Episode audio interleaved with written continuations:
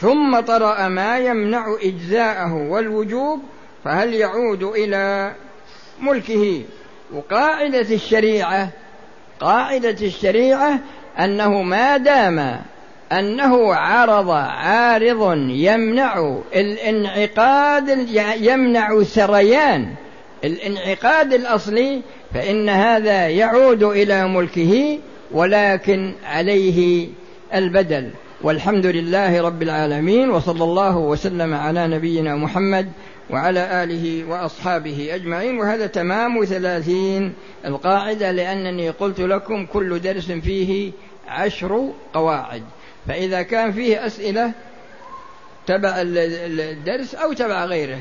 لا صاخن هذا ما خذ. صاخن مرة هذا. يقول كنت في الدرس الماضي الدرس الماضي بعض الكتب المساعدة ذكرت بس إنك ما ما كملت الكتابة. الدرس الماضي بعض الكتب المساعدة المساعدة التي يستفاد منها مع كتاب الفروق. فليتك تعيد ذكرها إذا جاء درس الفروق في ليلة السبت. إن شاء الله أذكرها لكم.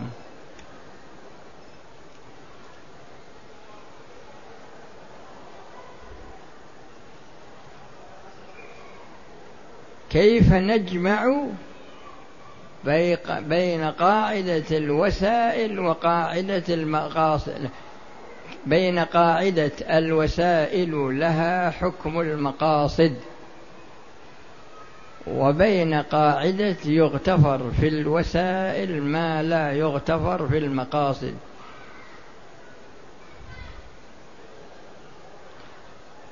القائمة ما في تعارض بين القاعدتين لأن لأن الأحكام التكليفية الخمسة. الأحكام التكليفية الخمسة. كل وسيلة مؤدية إلى حكم منها فإن هذه الوسيلة تأخذ حكم ذلك الحكم. فوسائل الحرام محرمة. ووسائل الواجب واجبة ووسائل المكروه مكروهة ووسائل المندوب مندوبة ووسائل المباح مباحة. هذا من وجه من جهة علاقة الوسائل بالأحكام التكليفية. والوسائل أيضا لها علاقة بالأحكام الوضعية. الأسباب والشروط والعلل والموانع هذه هي الأحكام الوضعية الأصلية. وهكذا الأحكام الوضعية التبعية مثل الرخصة والعزيمة والأداء كثير من من هذا. هذه يقال عنها إنها أحكام وضعية أيضا لها وسائلها. فوسائل الشرط تأخذ حكمه. ووسائل السبب ووسائل المانع ووسائل العلة وهكذا. ووسائل الأحكام الوضعية يعبر عنها بأنها أدلة وقوع الأحكام. أدلة وقوع الأحكام. والمقصود من الأحكام هنا هي الأحكام الوضعية يعني وقوع الشر مثل الآن مثل الآن المريض المريض يأتي مثلا يؤتى به إلى الطبيب ويجري له فحوص. هذه الفحوص هي أدلة للتحقق من وجود هذا المرض حتى يرتب عليه ما يحتاج إليه من الأحكام. آه، الشخص عندما يأتي سكران يحتاج إلى أن يثبت هذا السكر بإجراء تحاليل. هذه التحاليل هي أدلة لوقوع السكر الذي هو شرط في إقامة الحد. وهكذا سائر الأحكام الوضعية. أما قاعدة يغتفر في الوسائل فهذا قد تكون الوسيلة قد تكون الوسيلة مشروعة في حد ذاتها لكن يتوصل بها إلى أمر محرم. فلو فعلت مقطوعة عن المحرم صارت جائزة لكن لما توصل بها إلى محرم انقلبت إلى محرم. كما في قوله تعالى ولا تسبوا الذين يدعون من دون الله فيسبوا الله عدوا بغير علم. فسب آلهة الكفار هذا مشروع. لكن لما كان هذا المشروع يترتب عليه وجود وسيلة وهي أن لما كان هذا وسيلة إلى أنهم يسبون الله فحرم عمل هذا الواجب. عمل هذا الواجب. قد يكون العكس. يكون الشيء لو لو نظر إليه في حد ذاته وجد أنه محرم. لكن لكن يتوصل به إلى أمر واجب. يتوصل به إلى أمر واجب. فيقال حينئذ يغتفر في الوسائل ما لا يغتفر في المقاصد وكأن هذا يعني شبيه بالاستثناء من القاعدة العامة.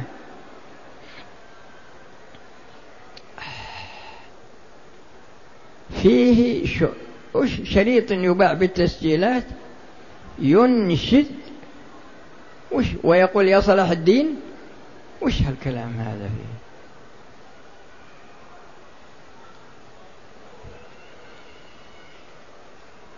إذا اشترى رجل غنما فتولد منها. إذا كان السائل ما فهم ما قلت يروح للمحكمة هو يا صاحب الغنم. وش هالكلام هذا؟ هل يجوز السؤال عن الجنين الذي في بطن أمه؟ عن طريق الأشعة التلفزيونية. ما في مانع هذا لأنه لا ما يدخل هذا. جميع ما يدرك بالوسائل الحديثة فيما يتعلق بالولد ما يدخل في قوله تعالى إن الله عنده علم الساعة وينزل الغيث ويعلم آه ما في الأرحام. لأن كلمة ما في الأرحام هذه هي ما ترجع إلى ما قال ويعلم من في الأرحام. لا قال ويعلم ما في الأرحام. لأن الإنسان موضع موضع للصفات التي ترد عليه في صفات فطرية وفي صفة وفي أمور تبي تجري عليه في حياته من استعمال وسائل السعادة أو استعمال وسائل الشقاوة. ومتى مثلا يموت؟ وما تدري نفس ماذا تكسب غدا وما تدري نفس بأي أرض تموت. يعني فكلمة ويعلم ما في الأرحام يعني يعلم جميع ما يتعلق بهذا المولود. أما ما يتوصل إليه باستخدام الوسائل التي يتبين منها انه ولد ولا بنت ولا لكن هل تتمكن إنك تتبين انه شقي ولا سعيد؟ هذا لا يمكن ابدا. هل تتمكن إذا كشفت عليه انه يموت بكرة؟ ولا بعد بكرة؟ لا أبدا هذا ما ما تستطيع. ولهذا بعض الناس يقول وشلون الله يقول تعالى ويعلم ما في الأرحام؟ والأطباء الآن صاروا يعرفون أنه ذكر ولا أنثى. هذا لا يدخل في هذا.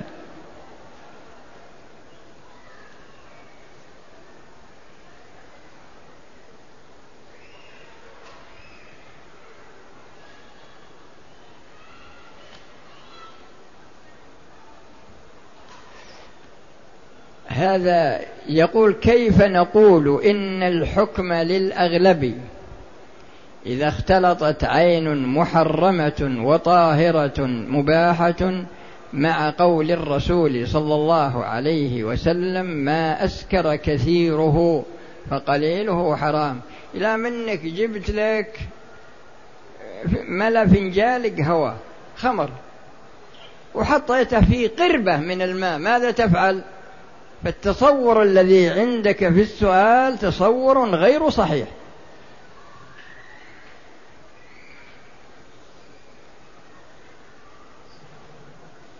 هل تارك الصلاة والعاق لوالديه؟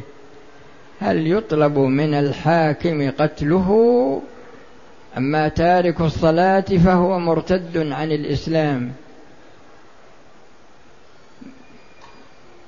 العهد الذي بيننا وبينهم الصلاة فمن تركها فقد كفر. وهذا منكر ومن رأى منكم منكرا فليغيره بيده فإن لم يستطع فبلسانه فإن لم يستطع فرقه. أما عقوق الوالدين فالوالدان هم اللذان يتصلان بالحاكم الإداري ويطالبان بقتله أو غير ذلك. كيف؟ ما بس ما مسألة القتل عاد هذا شيء ثاني.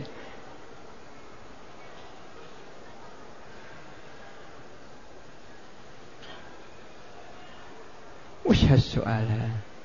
هل يقال بوقوع الطلاق بالشرط اللغوي عند من لا يحسن العرض؟ إذا حصل واحد بهذه الصفة يحال إلى جهة الاختصاص من أجل التأكد مما صدر منه. أما هذا السؤال من الرأس هم من الواقع.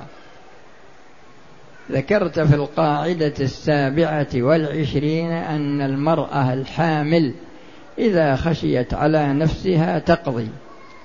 وإذا خشيت على نفسها وعلى ولدها تقضي وتكفر في الصيام فما وجه زيادة التكفير زيادة التكفير من أجل الولد؟ لأن هذا لمصلحتها ومصلحة غيرها.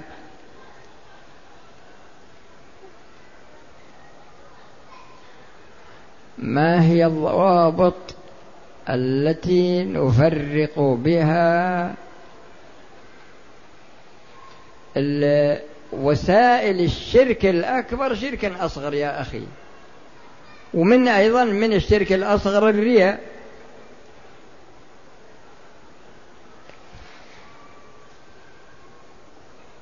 جئت يعني من بلده للعمرة قبل وصولنا إلى الميقات جاءتني الدورة الشهرية الآن أنا في مكة. هل يجوز الاغتسال للعمرة في مسجد السيدة عائشة؟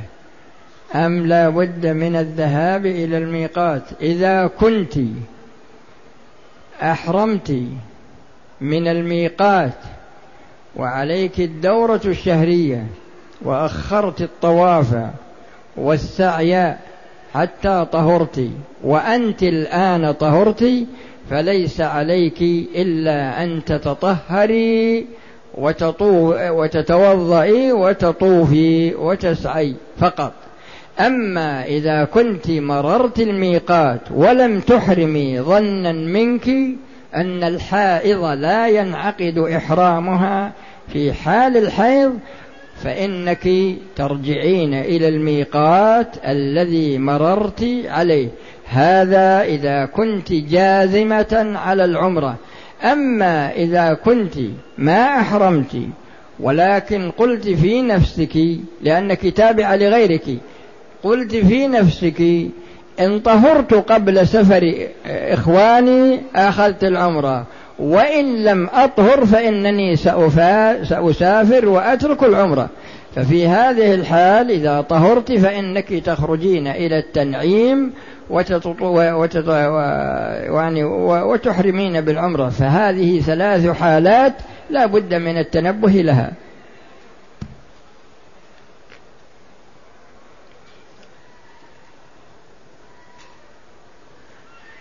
يقول ما مراد الفقهاء بقولهم خيار الشرط تعليق الشرط وما إلى ذلك؟ يا أخي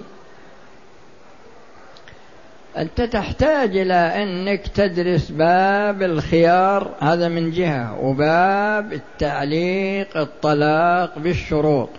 كل هذا تحتاج إلى دراسته.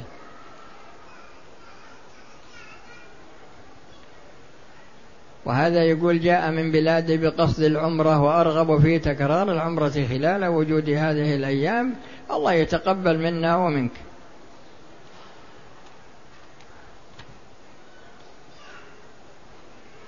شككت وأنا في الصلاة حيث أنني أحسست بشيء ولكن بدون صوت أو رائحة.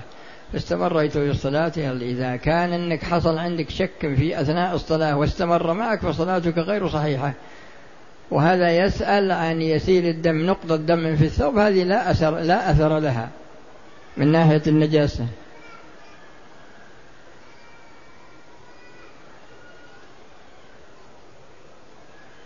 وهذا يقول لو تكرمت علينا بإعادة بسط القاعدة بسط القاعدة الأولى يعني القاعدة الأولى اللي هي القاعدة الحادية والعشرين. القاعدة الحادية والعشرين أنا ذكرت لكم أنها في الحقيقة جزء من القاعدة العشرين. وذكرت لكم أن القاعدة العشرين منقسمة إلى قسمين يعني فروعها. القسم الأول فروعه ما تولد من الجزء من يعني ما هو جزء من الأصل والثاني ما تولد من الكسب. والقاعدة الحادية والعشرين هي ما تولد من من الأصل يعني كان جزءا ما تولد من الكسب.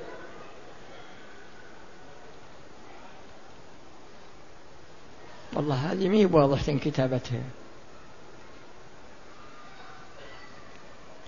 ما معنى يعود إلى ملكه؟ يعني يعود إلى ملكه يأكل لحمه. الأضحية التي انكسرت يأكل لحمه أولاده لكنها لا تجزئ. أما إذا قلنا ما يعود إلى ملكه فإنه يتصدق بلحمها. كم الساعة؟ ترى هنا حد عشر ها؟ إلا خمسة؟ ما حكم تقصير؟ وش تقصير اللحية؟ وش هالكلام ما حكم تقصير اللحية في المذاهب الأربعة؟ يا أخي ما يكفيك مذهب الرسول إيش عليك من المذاهب الأربعة ما دام أن الرسول أعفاها عمليا وأمر بإعفائها قوليا فاجتمع السنة الأمر بالقول والتطبيق بالعمل. وش عليك من المذاهب؟ أبو مالك رضي الله عنه وهو يدرس في مسجد المدينة يقول علشان يدخل هو في الكلام. يقول كل يؤخذ من قوله ويرد إلا صاحب هذا القبر. شاب من الله عليه الحرص في العبادة وطلب العلم ولكنه دائما في الوسوسة كأن الله يرد عليه بعض أعماله. يا أخي هذا من نزغات الشيطان فإذا أحسست بشيء من ذلك فاذكر الله واستعذ بالله من الشيطان الرجيم. وهذا يقول هل التفكر في مخلوقات الله؟ الله تعالى يقول أولم ينظروا في ملكوت السماوات والأرض؟ وجاء فيها لقوم يفقهون لقوم يتفكرون لقوم يعقلون لقوم يذكرون. كثير في القرآن ما في شك أنه عبادة. ويقول هل الأضحية لا الأضحية السنة ما هي بواجبة. والصفوف التي تلي الكعبة أمام الإمام هل تدخل في الصف الأول من كل جهة؟ يعني كل الدائرة الصف الأول حكمه واحد في جميع الدوائر.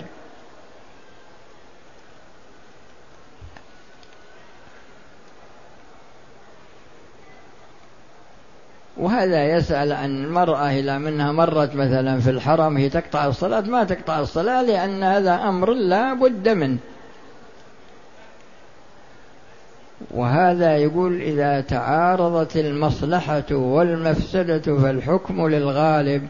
كيف الجمع بهذه القاعدة؟ درء المفاسد مقدم على جلب المصالح. يا أخي إذا سمعت بهذه القاعدة درء المفاسد مقدم على جلب المصالح فاعلم أنه لا يرد إلا على صورة من صور المصالح والمفاسد التسع. هذه الصورة هي إذا تعارضت المصلحة والمفسدة على سبيل السواء. يعني كانت المصلحة مساوية للمفسدة فقط. فهذه هي التي يعبر يعبر عنه العلماء بأن درء المفاسد مقدم على جلب المصالح. ولهذا في كثير من الإخوان يخطئون في فهمها يطردونها ولو كانت المصلحة هي الراجحة فيقولون درء المفاسد مقدم على جلب المصالح وهذا ليس بصحيح. إنما الصحيح في هذه القاعدة إذا تساوت المصلحة والمفسدة فقط. يلا السلام عليكم ورحمة الله وبركاته. حط الأسئلة دوك ترى جايب لها.